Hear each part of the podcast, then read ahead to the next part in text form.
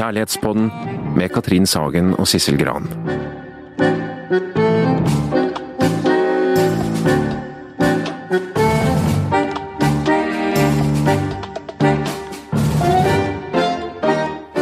Her sitter Katrin og jeg i studio igjen. Og det vi skal gjøre her, det er å utforske det store temaet kjærlighet. Hva er kjærlighetens bestanddeler? Når blir noe kjærlighet? Hvordan varer kjærlighet? Hvorfor knuses den? Og hva kan man gjøre for å få den til å vare? Og en rekke andre spørsmål. Vi skal egentlig by på alt du trenger å vite om kjærlighet. Ja, det skal vi. Og i dag så har vi med oss en eh, liten gjest på en, eh, en ni måneder. Så det kan være det blir bitte litt lyd fra Petter innimellom. Og dagens tema handler om furting. Om det å være fornærmet, og hvorfor det kan være så vanskelig å gi og ta imot en unnskyldning. Så vi skal snakke om unnskyld for de små ting i dag. Selv om det egentlig aldri handler om små ting og bagateller i et parforhold, eller Sissel? Ja, nettopp. For det er jo Den kan vi smette inn her. Det er jo en slags regel om det. At um, det er aldri en bagatell i et parforhold før begge er enige om at det er en bagatell. Det er så sant som det er sagt, altså. Men allikevel så skal vi snakke om altså, med de, de dagligdagse tingene som vi kan furte over og bli fornærmet over. Og da må jeg jo spørre deg, Katrin, har du furtet noen gang i voksen alder, altså overfor en kjæreste? Har du? Ja, vet du hva, det, det har jeg, og det gjør jeg, og jeg gjorde det nok senest i går, må jeg innrømme. Eh, Men um, man kan jo tenke at jeg som, som jobber med dette, dette kjærlighetslivet og sånn til daglig, med, med parterapi og sånn, burde være god på. Og for eksempel si unnskyld eller ikke furte eller være veldig flink hele tiden, men det er jeg jo ikke. I det hele tatt. Og jeg, jeg skal si at den jeg nok har lært mest av, eh, med tanke på det å si unnskyld, er nok mannen min. For han er veldig Yeah. god på det. Ja, han er kjempegod på det. Mens jeg trenger litt sånn hjelp innimellom jeg til å bli hentet ut av mitt uh, furte univers, for å si det sånn. Sånn at jeg klarer å komme til min unnskyldning. Okay, så han kan, han kan det. plukke deg opp, altså rett og slett? absolutt plukke meg opp. Ja. Fordi du skrur deg litt av. øhm, Ja, jeg kan gjøre det litt. Altså, jeg, kan, jeg kan gå meg litt vill i det der, på en måte. Min egen furting, eller hva Ja, jeg skal si. Men samtidig lengte etter å si unnskyld, så det er veldig godt å ha en partner som rett og slett har litt koll på det, og som henter meg ut. Ja. Kjærlighetspodden er laget i samarbeid med møteplassen.no. Hele Norges datingside. Vet, furting det er en veldig fin balansegang. Altså hvor mye kan man tillate seg å furte, hva kan man tillate seg å furte og være fornærmet for? Hvor lenge skal man drive med det? Eh, og vi har funnet fram en ganske gammel tekst fra, fra en eh, bok av Arild Nyquist fra 1974, som, hvor han har en liten tekst om å være fornærmet. Vi skal høre på den nå. Det hender at jeg er fornærmet. Det er en god følelse. Man må spille på fornærmelsen så lenge som mulig, helt til begeret er tømt til siste dråpe, men ikke lenger. Og det er selvfølgelig en uhyre hårfin og vanskelig balansegang. Forresten er det ikke bare et spørsmål om hvor lenge man skal være fornærmet, like meget om hvor lenge man får lov til å være fornærmet. Og her er vi ved selve hemmeligheten.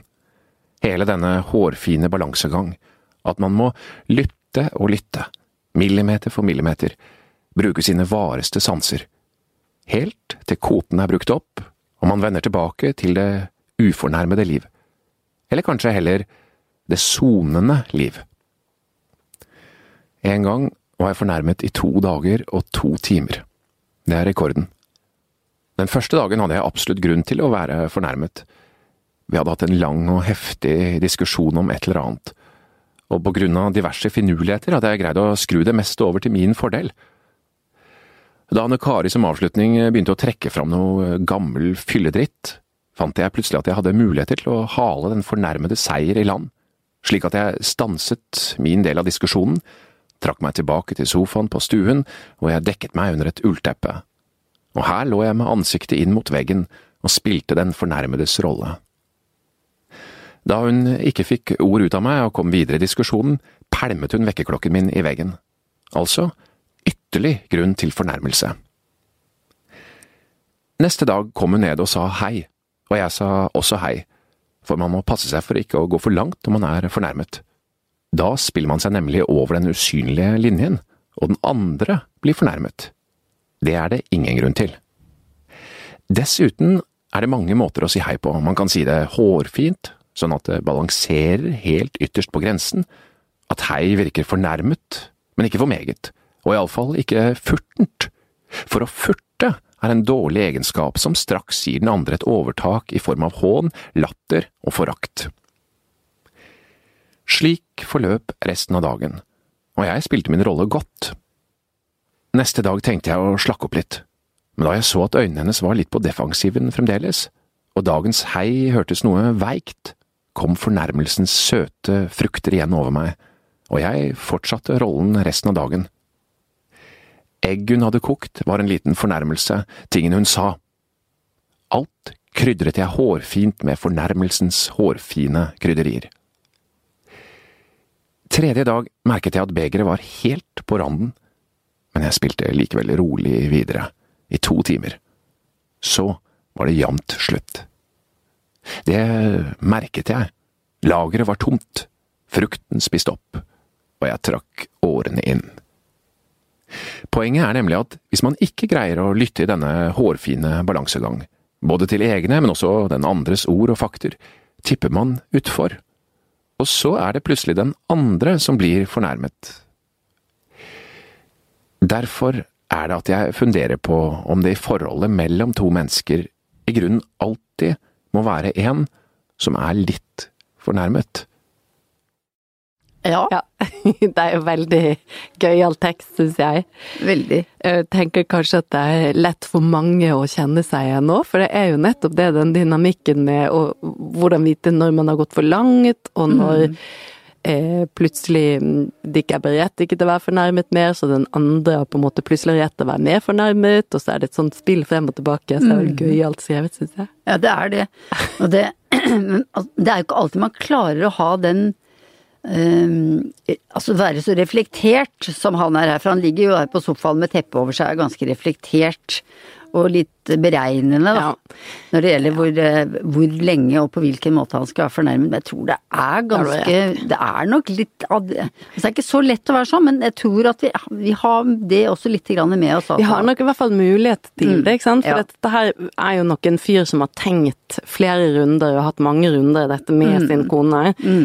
og hvor de nok kan høres ut som at de har snakket om det en del, og han har tenkt helt klart en del. For hvis ikke så er man jo kanskje mer inni, hva skal man si, i selve følelsen. Ja, og da kommer man ikke ut av det. Nei. Da greier man ikke å tenke på det i et sånt såkalt metaperspektiv. Men du har jo, det har jeg òg, vi har jobbet med furting, altså med Ja, men absolutt, i terapi. I, i terapi. Ja. jeg har eh, spesielt eh, et par som jeg tenkte jeg skulle trekke frem, som Mhm. jobbet, eller som holdt på med det temaet her.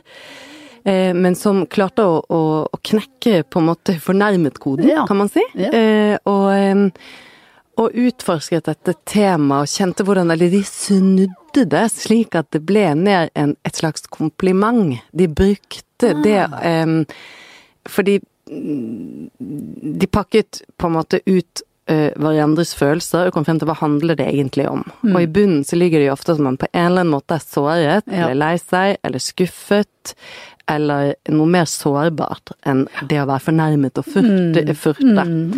Og i og med at de på en måte kom seg frem til denne primærfølelsen, som vi vil kalle det, så eh, så fant de ut at det handler jo egentlig om kjærlighet hele tiden. Jeg er litt lei meg fordi at du ikke så meg der, eller jeg er litt skuffet for at du misforsto meg der, eller jeg følte meg alene for jeg trodde at du var på vei bort fra meg, og så var det ikke det likevel, og så begynte jeg å furte og klarte ikke å si fra, og liksom at det er et sånt slags komplisert system. Så altså det, det jeg vil frem til er at dette, det de konkret gjorde da de ble fornærmet, var å varsle den andre, eh, for eksempel de brukte furt som et sånt eh, Som de var enige om at det var et ikke-ladet ord. Er du furt nå? furter De kunne du? bruke det De ordet bruke uten det. at det var krenkende. Absolutt. Mhm. Så da sendte de melding da hvis det var f.eks. en slags fornærmet stemning i hjemmet på morgenen, og de gikk hver til sin jobb, så kunne den ene som da ble utsatt for furting, sende melding. Er du furt? Er du furt? Ja, furter du nå? Ja. Hvorpå den andre alltid må svare ja hvis det er sant, ikke sant? Okay, nettopp. Ja, det er jeg. jeg. og er en deal på det. Og da ble det eh, en dynamikk mellom de som gjorde at de kunne kose seg. Det var deilig at du følte, da skjønner jeg at du er glad i meg. Ja, og da skjønner jeg at altså, Fordi da forsto de hverandres signalsystem. For, ja. For det å furte, altså det å Da blir man jo ofte taus, Ja. sier ingenting, svarer kort, Ja. ser bort, sier nei, da, alt er greit, og Ja. sånne falske ting som det. Riktig. Selv om det slett ikke er greit. Og det man ønsker da, det er jo å bli lest. Mm. Man ønsker jo da at den andre skal se at noe er i veien, at den andre skal spørre er det noe gærent. Nettopp. Og da har man lov til å si nei, alt er greit. Én gang. Ja. Og så er jo ikke det sant, og da vil man jo egentlig gjerne at den andre sier du, det er ikke det jeg ser på deg at det ikke er hvis, greit, ja, hva ikke er det? Hva er det? Og hvis det er der man får til det der at det Ja. ikke eskalerer og blir plutselig veldig vondt og farlig, ikke sant? For dette er jo litt sånn Jo, for den andre kan komme til å trekke stemning. seg. For Yes. hvis jeg sier alt er greit, alt er i orden, nei, det er helt i orden, nei, ikke noe. Og hvis den andre da sier nei vel, ålreit, greit, flott, så er det feil reaksjon. Absolutt. sånn. Men hvis den andre sier du, hold opp, jeg ser at det er noe. Kan du ikke Da kan si du fortsatt liksom drøye den og si nei, det er ikke noe, det er bare noe du innbiller deg. Ja. Og hvis den andre da sier ok, greit, så er det også feil. Men hvis den andre da sier du, nå må du virkelig holde opp, jeg ser at det er noe, det Ja. er noe du er lei deg for, og ut med språket. Ja. Og da kan det hende at man klarer å Da har man knekket koden, kanskje. Og Ja. da kan det hende at den andre sier du, ja det er noe, for Det det, var det du sa i stad. Det handler om dette. Ja? Dette er litt flaut, kanskje man Ja, til og med sier. pinlig. Det er pinlig, Barnslig. det er barnslig. Ja, men si likevel. Ja, jeg skal si likevel. For, men da er de på et annet, da er de ute av det. Da er de ute av det. Ut av den furtedansen. Ja. Og kanskje over i at de kan begynne å fnise av den situasjonen de var i, eller at de kan snakke ordentlig om det som var litt leit. Absolutt. Så du vet, det skal jo litt til å forstå og erkjenne dette her irrasjonelle behovet for å bli inderlig forstått og lest. Altså uten å måtte si hva som er i veien. Og vi kan vel egentlig si at i all sånn furtingsnatur så er det en litt sånn forvirrende blanding av sinne og et like intenst ønske om ikke å fortelle hva man er sint for. Og så er det ikke alltid sånn heller at man vet hvorfor man er øh, fornærmet, eller hvorfor man furter. Men det er jo sånn at den som furter, eller er fornærmet, har veldig ofte et sånn desperat behov for at den andre skal skjønne, av seg selv, vel å merke, hva som er i veien. For det kjennes, når man er inne i furtemodusen, så kjennes det eh, urimelig og feil å gjøre noe som helst for å hjelpe den andre til å forstå hva som foregår. Altså den bryteren er slått av. Altså bare det å måtte forklare selve kjernen i fornærmelsen, Føles som en fornærmelse føles riktig følelse som en fornærmelse. Hvis partneren ber om en forklaring, så er han eller hun liksom ikke verdig en forklaring. Eh, Så må vi også si at det er et slags underlig privilegium altså å bli utsatt for eh, partnerens furting. For det betyr faktisk at den som furter, respekterer oss og stoler nok på oss til å tro at vi faktisk er i stand til å forstå den tause sårbarheten. Og dette er det vi kaller en av kjærlighetens mest merkverdige gaver. La oss ta et eksempel. Um, det er et ganske ferskt par. Eh, De har vært sammen en stund, men de har vært i en sånn forelska modus, sånn at de nesten ikke har vært ute og snakket med venner og sånn, sånn isolert seg, sånn som veldig forelskede mennesker gjør. Ja. De treffer nesten ikke noen. De går på jobben sin og sånn, og så går de hjem og er sammen, og så ser de ingen andre. Og dette er et ungt par, og så blir de enige om at han skal være med henne på et sånn utekveld som de pleier på jobben hennes å ha på fredager. Han skal bli med for å treffe noen av kollegene, skråstrek fredagspilsen, ikke sant. Så blir han med, og så er jo han i et helt Han jobber med noe helt annet enn det eh, kjæresten gjør. Han er liksom i en helt annen bransje. Og så spør da vennene hva han driver med og sånn, og så forklarer han det, og så er det liksom litt sånn komplisert for han å forklare hva det er han driver med, innenfor arkitektur eller hva det er han holder på med. Uh, Og så ler da kollegene hennes hjertelig og av hans forsøk på å forklare det litt kompliserte som han driver med. Og så skjer det at hun, altså kjæresten hans, ler hjertelig med. Og han føler seg såret, han føler seg utafor, han føler seg litt teit. Og han føler at hun støtter ikke han i den situasjonen. Um, og han, han klarer ikke å si det. Så går de derfra, og han går fort med ryggen til henne, og hun går etter og sier hva er i veien, hva er det, og så sier han at eh, Ikke ikke nå. Fordi inni han så er det da en sånn stemme som sier det burde hun ha forstått av seg selv. Og så i stedet for at han går og legger seg på soverommet sammen med henne, så tar han puta av dyna, smeller døra inn på gjesterommet og legger seg der, og hun står på utsiden og roper hva er det? Og han sier det burde du vite, god natt. Mm. Det er en typisk sånn furte... mm, litt hard Ja. enn òg, Og han er lei seg fordi han føler at hun har ikke vært solidarisk og påpasselig med han, og hun skjønner ikke egentlig at det er det som eh, For hun har vært ganske stolt over å ha med seg kjæresten og vise fram han, så det tar litt tid før disse her kommer ut av den, situasjonen Mm, for der eh, må, den må de snirkle seg litt Det må ut de snirkle seg ut Mm. og Det skjer ikke før dag langt utpå dagen dagen etter at de Og klarer å det snakke er litt litt viktig å si, for det er ikke noe farlig hvis det tar litt tid. Nei. Så lenge man bare holder fast og går litt tilbake og går litt inn og ut av det, så kan man jo ta seg en spisepause og le litt og gjøre litt andre ting, og så kan man jo ta det opp igjen når man har blitt litt roligere inni, og så kommer man litt inn og ut til man har løst det. Ja, det ble en veldig taus frokost for disse her. Veldig taus frokost, og veldig sånn surt. Men så greide de, jeg tror eh, han greide å sende en SMS til henne ut på dagen Ja. og si unnskyld at jeg er litt Du vet jeg er litt rar av meg og sånn, og så sier hun at eh, jeg elsker deg nettopp fordi du er litt rar av det, og så hi-hi. Og så var de venner igjen på ettermiddagen, så det gikk ganske fort over. Men det er en typisk sånn Det er en typisk sånn, og det paret vi snakket om i sted, kunne da ha sagt er du litt furt nå, jeg skjønner ikke hva det er. Jeg skjønner ikke hva det er. Og så kan han si ja, unnskyld, Ja. det, men jeg er det. Jeg skal Ja. prøve å forklare deg etterpå, for eksempel. Ja.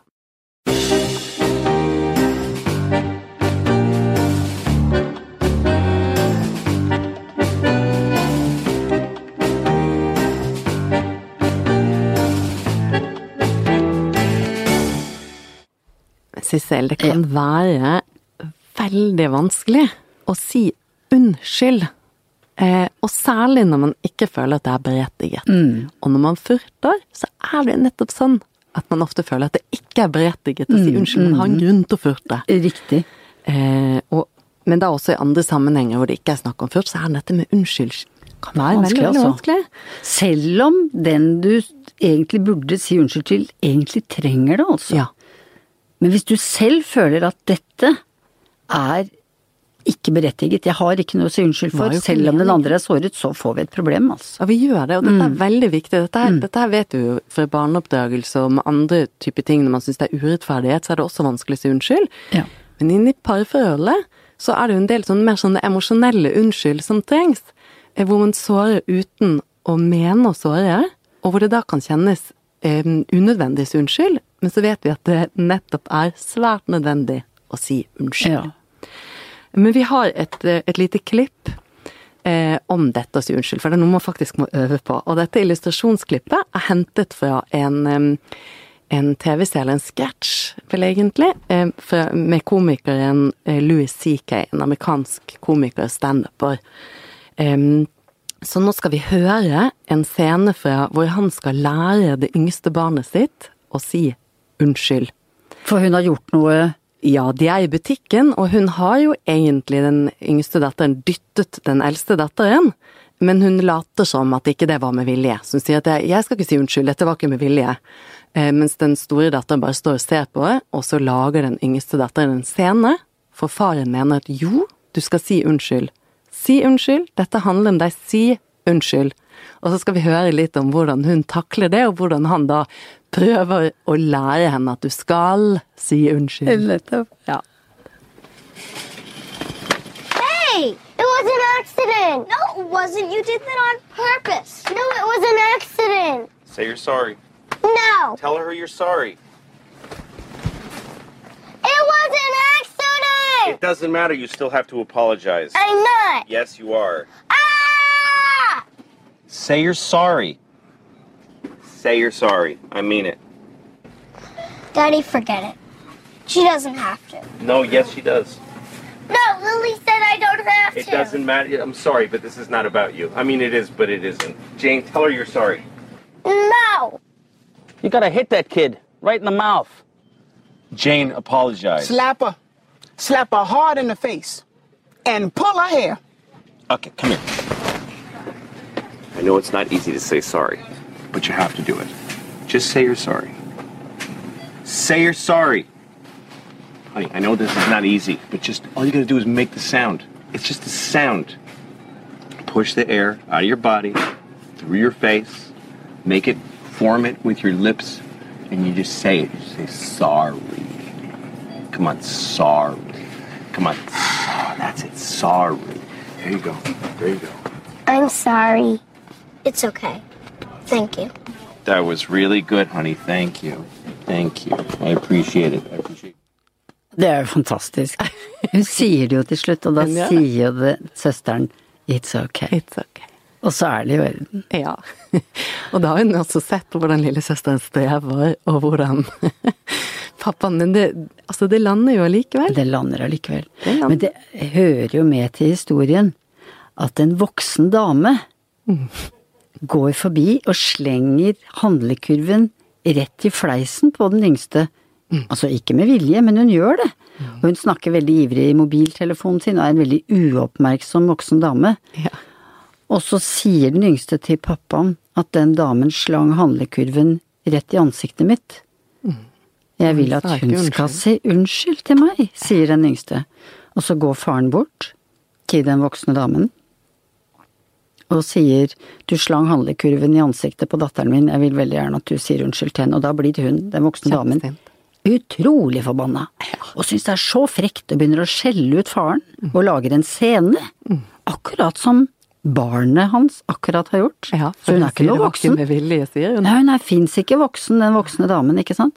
Så det blir en komplisert og lang scene, hvor da butikksjefen kommer, og vakten Politi. kommer, til slutt kommer politiet med håndjern, Ja. og så til slutt så kommer den lille bort til damen og sier akkurat det faren har sagt til henne.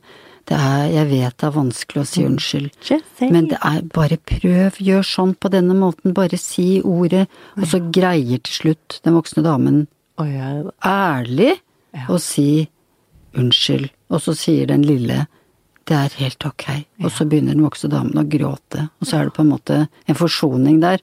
Da er jo dette en sketsj som blir tatt med av politiet allikevel, ja. håndjern og alt, men det er interessant å se hvordan både barn og voksne strever med å si unnskyld hvis de Altså fordi det er noe med Hvorfor i all verden er det så vanskelig? Er det fordi at man da innrømmer at man er et dårlig menneske, eller altså at man er feilbarlig, at man har skylden for noe, altså det oppfattes av mange som et knefall, altså fordi man er så stolt, man er så ærekjær, altså det rammer stoltheten vår, å innrømme at det er noe å utsette på ens person, liksom. Man er, og det vil vi ikke, fordi vi er veldig stolte av oss, rett og slett, altså. Og det kan være ekstremt fornærmende å oppleve at vi blir avkrevd en unnskyldning, rett og slett.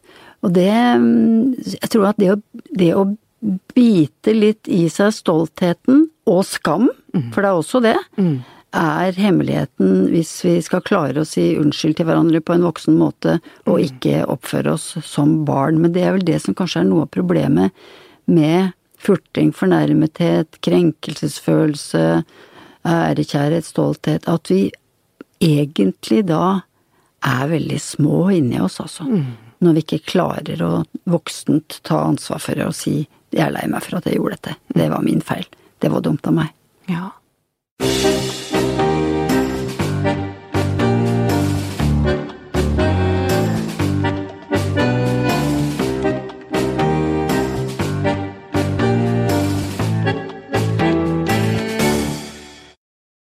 Det er en bok som heter The Course of Love, altså Kjærlighetens vei, vei, av en forfatter som heter Alain de Botton. Den skal jeg lese, for Ja. den virker gøy. Og den er, eh, for den, han gjør noe som de færreste romanforfattere gjør, han følger et par gjennom hele liksom livsløpet deres. Det er ikke sånn bare de giftet seg og så gikk det gærent, eller de giftet seg og så levde de lykkelig eh, ever after, men han følger dem gjennom 17-18 år, mm. og hvor eh, de i starten, og etter hvert også, faktisk havner mye uti dette med furting, føle seg fornærmet, være krenket osv. Og i Han forklarer i romanen hva dette handler om, at det er på en måte barn i oss som eh, tar overhånd når vi går inn i sånn kraftig furte- og fornærmethetsmodus. Vi skal høre litt på teksten. Furting er en hyllest til det vakre, men farlige idealet som har sin rot i vår tidlige barndom. Løftet om ordløs forståelse. I livmoren behøvde vi aldri å forklare. Ethvert behov ble tatt hånd om. Den adekvate omsorg ble sørget for. Denne idyllen fortsatte inn i våre første leveår. Vi trengte ikke å tilkjennegi noen behov, store, snille mennesker gjettet for oss. De forsto tankene våre, våre nonverbale signaler og vår forvirring. De fant forklaringer på ubehag som vi ikke hadde evnen til å sette ord på. Dette kan være en årsak til at vi i parforholdet, selv om vi er aldri så veltalende, instinktivt foretrekker ikke å si ting i klartekst når vår partner mislykkes i å lese våre tanker og følelser. Bare ordløs og presis tankelesing fra hans eller hennes side føles som et sannferdig tegn på at vår partner er en vi kan stole på. Bare når vi ikke behøver å forklare, kan vi føle oss genuint trygge på at vi virkelig blir forstått. Den som furter kan være 1,90 høy og ansatt i en sjefsstilling. Men personens tause beskjed er likevel denne. Dypt i mitt indre er jeg fortsatt et spedbarn, og akkurat nå trenger jeg at du er min mamma eller pappa. Jeg trenger at du helt presist og korrekt greier å gjette hva som virkelig plager meg, slik mennesker gjorde da jeg var en baby, den gangen da min idé om hva kjærlighet er, ble formet. Vi må huske at vi gjør våre furtende kjærester en kjempestor tjeneste når vi er i stand til å se forbi deres raserianfall og se det lille barnet som strever. Vi er altfor opphengt i forestillingen om at det er nedvurderende å bli betraktet som yngre enn vi er. Det er tvert imot et stort privilegium når noen greier å se bak vårt voksne selv for å søke kontakt med og ta vare på det skuffede, sinte, uartikulerte barnet som bor der inne. Åh, altså jeg syns dette er så gøy, jeg. Hæ, så fint, vi trenger ikke å si noe mer. Vi kan bare ta Jeg syns at vi kan bare høre på den teksten på repeat et par ganger, så har vi Det er jo essensen, rett og slett. Eller blir jeg helt frelst jeg plutselig nå? syns det er litt essensen, fordi vi blir jo, når vi furter og er fornærmet øh, øh, Og så er det barn i oss som reagerer. Altså når vi ikke klarer å komme ut av den Og det er jo noe det fint, som man sier. Det er ikke noe stygt eller flaut eller skamfullt. Det er jo noe, det er jo noe fint. Det er litt rørende, Ja. egentlig, det der. Og det er Mange vil jo si at ah, det er jo helt søkt, Ja, liksom. At det er liksom klissete, av barn i deg som reagerer og sånn. Ja. Men det er faktisk det. Vi ser jo det veldig ofte når vi jobber med par. At det er en Der sitter det to småtasser, egentlig. De kan Ja. være 60 år, altså, men de er bitte små. Absolutt. Det var ikke, du, det var ikke sånne saker jeg sa det var du som begynte. Det var Bare, altså. Det er veldig sånn kavete, akkurat sånn som barn holder på. At det, og det å ha omsorg for at den andre strever og blir bitte liten, det er selvfølgelig en gave vi kan eh, gi hverandre. Uten at vi skal være foraktfulle, for hvis man er foraktfull Ja, og sier det- 'fy fader, du er, er du fem år', eller Det er ikke det vi mener. nei. Nei, fordi da er vi foraktfulle og nedvurderende på en guffen måte. Men hvis vi i, i vårt indre kan se det sårede barnet i den andre, da, så, eh, så er vi Jeg er på jakt etter det Ja. å kjenne etter sin egen omsorg Ja. for den andre. Riktig. Eh, og sin omsorg for seg selv, så man ikke blir så fanget i sin egen skam eller stolthet, men får tak i litt selvomsorg. Nettopp. Ja. Fordi furting og fornærmethet kan rett og slett være et sånt tilknytningssignal. Se Mm. meg, hør meg, forstå meg, ta vare på meg.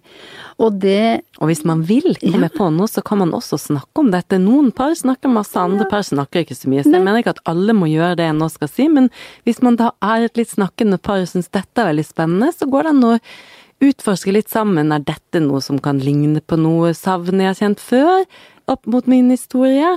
Eh, og så videre. Få en sånn samtale hvor de Ja. eh, sammen går litt tilbake og ser. Det er ikke noe man må gjøre, men det kan være en fin samtale. Det kan være det. Mm. For det du vet at når vi, når vi sender ut sånne tilknytningssignaler, enten vi er fem år eller 40 eller 50 år, så ønsker vi at Vi ønsker å, hva skal vi si, påkalle partnerens omsorgssystem. Vi ønsker at partneren egentlig skal ta vare på oss, eller skjønne at vi strever. Sant? Og, det, og hvis vi greier det, altså hvis vi klarer å se at furtingen eller fornærmetheten eller den bortvendtheten, tausheten og alt det der egentlig er et, en bønn, da, om å bli tatt vare på og bli sett. Og bli lest. Ja, så lager vi ikke den der rundløypa som veldig mange par kommer inn i, ved at man at du får to fornærmede. To krenkede, to fornærmede. Ja. Hvis du klarer å vise omsorg og omtanke overfor den andre da, så, så stopper ofte situasjonen. Mm, Og det vi må vite, er at som vi var inne på i sted, det er en hårfin balanse, og det er ikke uvanlig at man sklir litt utpå. Så ikke vær redd hvis man begynner å prøve og tenker nå skal vi gjøre dette, så får man det ikke til første gang. Det er helt vanlig. Ikke bli redd av, vi er bare mennesker, vi må øve. Så går det bedre neste gang. Må øve litt sånn som den lille jenta i butikken. Ja. Mm, Som fikk hjelp av pappaen sin til å øve.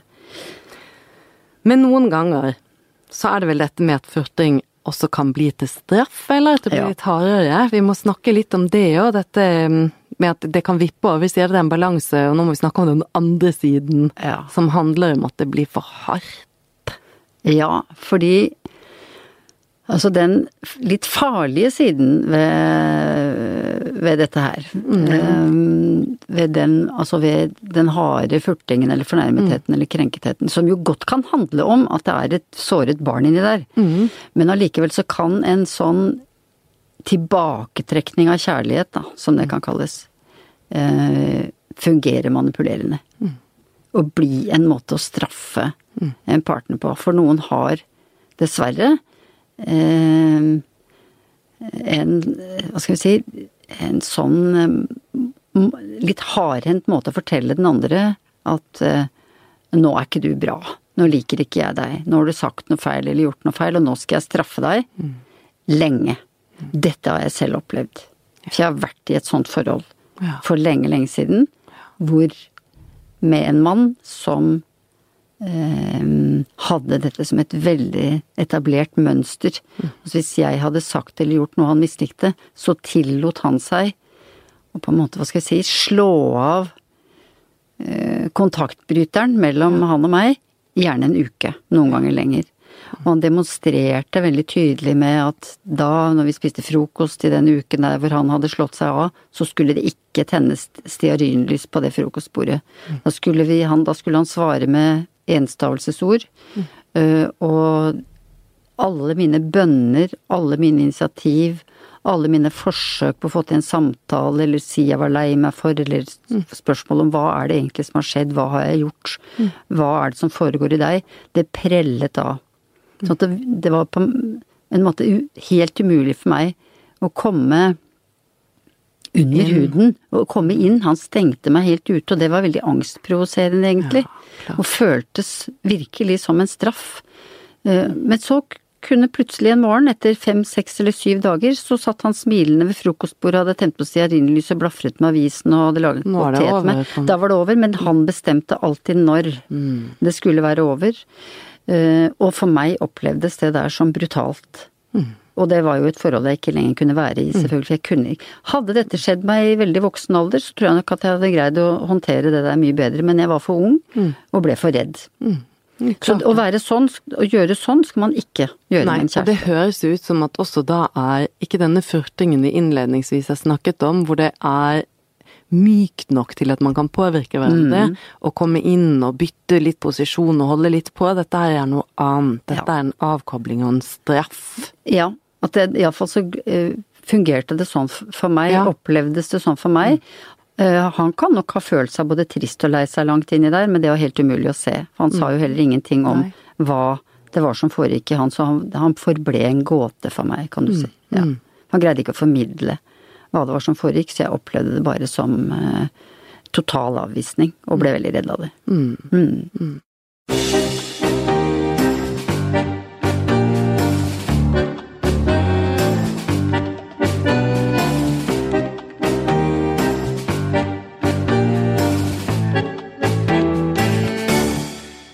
Ok, så det vi har sett på nå er hvordan furting og fornærmethet kan vokse på en sånn måte at det rett og slett kan ødelegge forhold, altså. Mm. Så det er viktig, eller det er viktig å ta dette på alvor. Det er nødvendig å kunne håndtere og kunne begrense følelsen av være krenket. eh, sånn at vi kan reparere. Sånn at vi kan bli venner igjen. Sånn at kranglene ikke vokser og blir så harde at man ikke kan nå hverandre, eller at det blir én som skal kontrollere hele situasjonen, og den andre blir spilt ut. Så vi må på en måte også ha evne til å kunne ta oss litt sammen og regulere oss selv.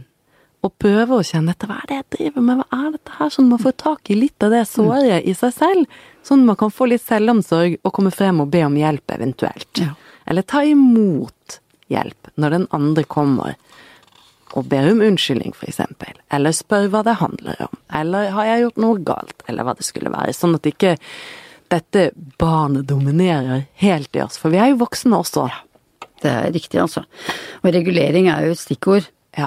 her, altså, fordi vi vet jo at eh, altså hvilken retning et forhold tar, det er avhengig av hvor godt regulert det forholdet er.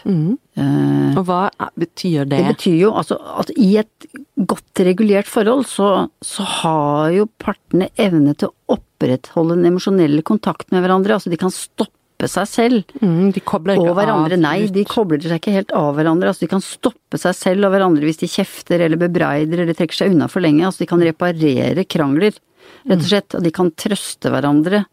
Og de tåler hverandres innflytelse, rett og slett. Eh, Tåler påpekninger, tåler også en kritisk bemerkning, rett og slett. Og de kan komme hverandre i møte etter vanskelige perioder. Ja, altså, Altså, de kan både både tåle å få påpekning, men de kan også tåle at en sier unnskyld for noe, ta imot unnskyldningen. Begge ta, for det er veldig viktig å ta imot en unnskyldning. Altså når den ene strekker ut en hånd, på en måte er fredsbestrebende, så må vi ta det imot. Litt som i begynnelsen da vi leste det Arild Nyquist-teksten, at han da kan kjenne det må ikke bli for mye. Riktig. Ikke sant? Jeg må, jeg må ikke ligge her for lenge, jeg kan gjøre litt. Jeg må ikke bli for sur, for da, da får hun egentlig lov Da gir jeg stafettpinnen videre, på en måte. Han regulerer litt hele tiden for å Riktig. balansere. Nettopp, det er akkurat det han gjør. Han regulerer det. Han skjønner når bøtta er full, på en måte. Ja. At nå må jeg gi meg, altså. Fordi Ja. nå tipper det snart over, og nå har jeg, nå har jeg eh, tøyd strikken for langt. Ja, og hvis man plutselig kjenner at man er noen av de som sier sånn, men det blir helt svart for meg, jeg, jeg mister det helt, da kan man jo si at man da mister all evne til å regulere eller nyansere. Det går jo også an å varsle om på en måte, og si nå er det for mye for meg, la meg bare få lov til å ta en løpetur, jeg trenger det, så kommer jeg tilbake til deg senere. Ja. Det er ikke å stenge, det er å regulere hvis det blir for mye. Noen trenger jo å Nettopp. regulere på denne måten. Det er riktig. Mm, Ja. Så noe av stikkordet er både det å regulere, men også varsle den andre litt hva man driver med. Er det riktig, vil du Ja, si det? Ja, det vil jeg absolutt si, altså. Vi ser jo det at um, Mm, fordi at et, de, de forholdene på den andre siden som ikke er regulert av hvor man ikke gjør disse tingene, de, de blir jo mer sånn preget av stahet, mye forsvar, ehm, at partene ikke greier å ta seg inn eller hverandre eller hjelpe hverandre. De greier ikke å komme i møte, de greier ikke å si unnskyld, de greier ikke å le av seg selv eller med hverandre. Eh, og eh, det blir ofte en sånn isfront da, at det kan ta lang tid før de blir venner igjen. Og det tærer, det blir sånne knekkpunkt, som du kaller det for Ja. i, i, i mange av tekstene dine. Dette med at at man Der skjedde det noe mellom oss som ble litt sånn som gjorde uopprettelig. som tæret såpass på forholdet at det satte seg. For det er det som er farlig med sånn som man må prøve å komme tilbake til hverandre. Ikke sånn at ikke det tærer, tæres i stykker. Mm. Men så er det er viktig å si kanskje også at mennesker er forskjellige, altså. Fordi um, det er faktisk sånn at noen tåler mindre enn andre, ikke sant. Um, for det er noen som føler seg veldig fort krenket og fornærmet, og det skal veldig lite til før de går i lås. Altså, de tåler i veldig liten grad pirking eller påpekninger. Og de oppfatter lett et utsagn eller en reaksjon som en bebreidelse. Altså, og det behøver ikke alltid ha noe med partneren å gjøre, eller at de har kjørt seg fast i et mønster, fordi noen er rett og slett bare mer sårbare, og det kan være krevende å ha en kjæreste som er lett fornærmet. Det er jo en del som har eh, skrevet på litt forskjellige måter om nettopp det temaet vi har i dag. Det er derfor vi også har, snakker om det. eh, og en eh, eh, melding vi har fått er sånn som dette. Hei, takk for fin podkast. Et tips til tema er dette med skjevfordeling i forholdet når det gjelder å være ydmyk og det å be om unnskyldning. Hva skjer når den ene parten har en holdning om at man kun skal si unnskyld når man selv mener man har gjort noe feil? Ja, og så sier hun litt om det. Nettopp, har dere ja. Mm. noen tanker om dette? Og det, det har vi jo. Det har vi jo snakket litt Ja. om nå, ikke sant. Dette med men at, at man faktisk kan leve i et sånt forhold hvor den ene mener at jeg sier ikke unnskyld hvis jeg ikke selv mener det er berettiget. Eller jeg selv mener jeg har gjort noe feil. Ja, og det Da blir det jo, som hun sier, kanskje en skjevfordeling. Da blir det kanskje at hun, da, er den som hele tiden skal ta et initiativ til å si unnskyld, eller be om godt vær, eller ordne opp i, i forholdet.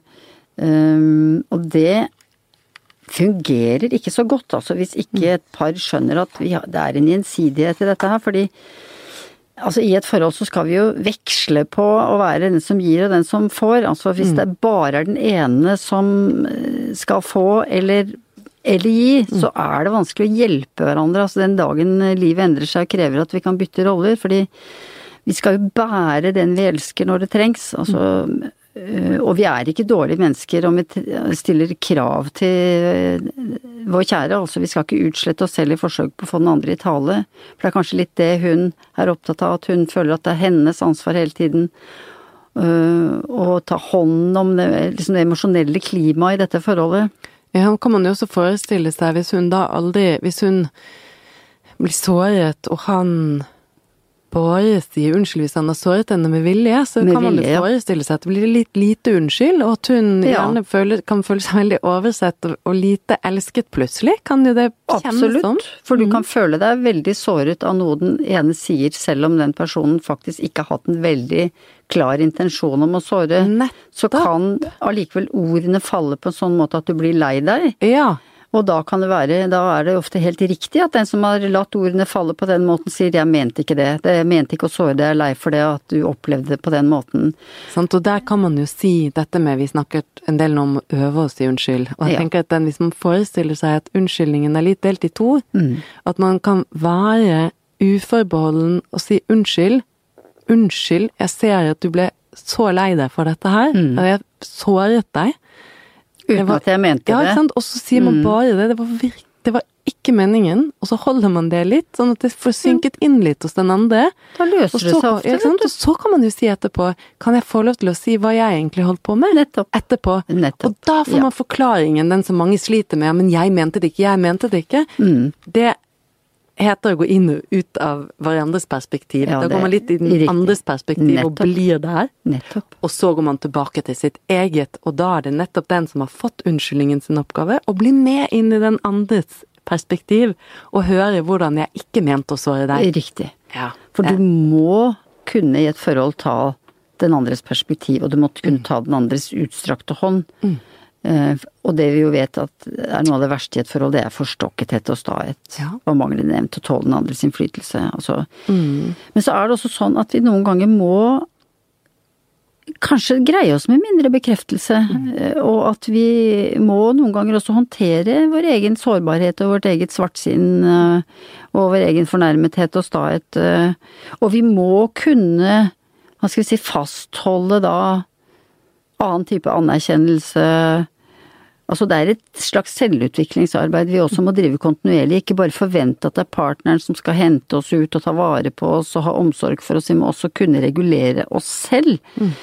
Fordi vi må ikke havne der at vi aldri får nok, og at vi må bekreftes og hentes ut gang på gang. Altså at vi, å være en sånn bøtte uten bunn, eh, hvor det bare er lekkasje hele tiden, da hvis, er, hvis vi er så sårbare, så må vi faktisk gjøre en jobb med det, og ikke legge hele den jobben på partneren. Ja, nettopp. Så litt oppsummeringsmessig så kan vi både støtte og bære og hjelpe.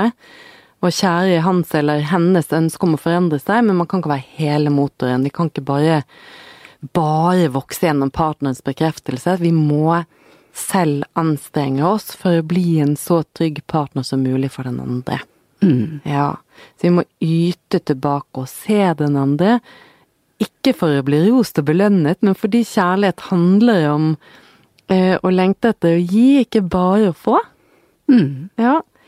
Så er det jo dette her, da, som er eh, kanskje noe av essensen med selve kjærligheten. At det handler om å falle ut av og inn i fortrolighet og nærhet hele tiden. Eh, I det litt små snakker vi om nå. ikke sant? Det daglige. Ja. Det litt enkle ting. Vi kan føle oss helt nær, helt på nett. Og så kan det skje noe. At noe skurrer litt i øret, og vi kan tenke Hæ? Hvem er den mannen eller kvinnen foran meg nå? Hva er det der? Er det der min kjæreste som var helt topp for en halvtime siden? Og så kan man kjenne på skuffelse eller frykt eller ensomhet eller i litt ulik grad. Og så snur det. Og så er man der igjen. Og sånn er kjærligheten, og det må vi erfare, og det må vi ta. Ja, det er jeg så enig i. Vi skal ha et uh, lite avslutningsdikt av uh, Gro Dale, og det er uh, Ola G. Furuseth som leser. God natta til alle som angrer på det de har gjort og det de har sagt, og det de ikke har gjort eller sagt. Til alle som ligger og reparerer, knyter knuter på tankene, broderer på ordene, lapper og syr og spinner. Ikke mer å gjøre i dag. Men kanskje i morgen? I morgen kan du kanskje si unnskyld. ja. Fine, fint dikt. Veldig fint. Og fint å avslutte med i dag, syns jeg. Eh, så eh, finner du oss på iTunes, og skriv gjerne en kommentar der hvis du vil. Det blir vi glad for. Eh, du kan melde oss på Instagram, eller du kan melde oss på Facebook, og der heter vi Kjærlighetspodden. Kjærlighetspodden er laget i samarbeid med møteplassen.no. Trygg og seriøs dating på nett.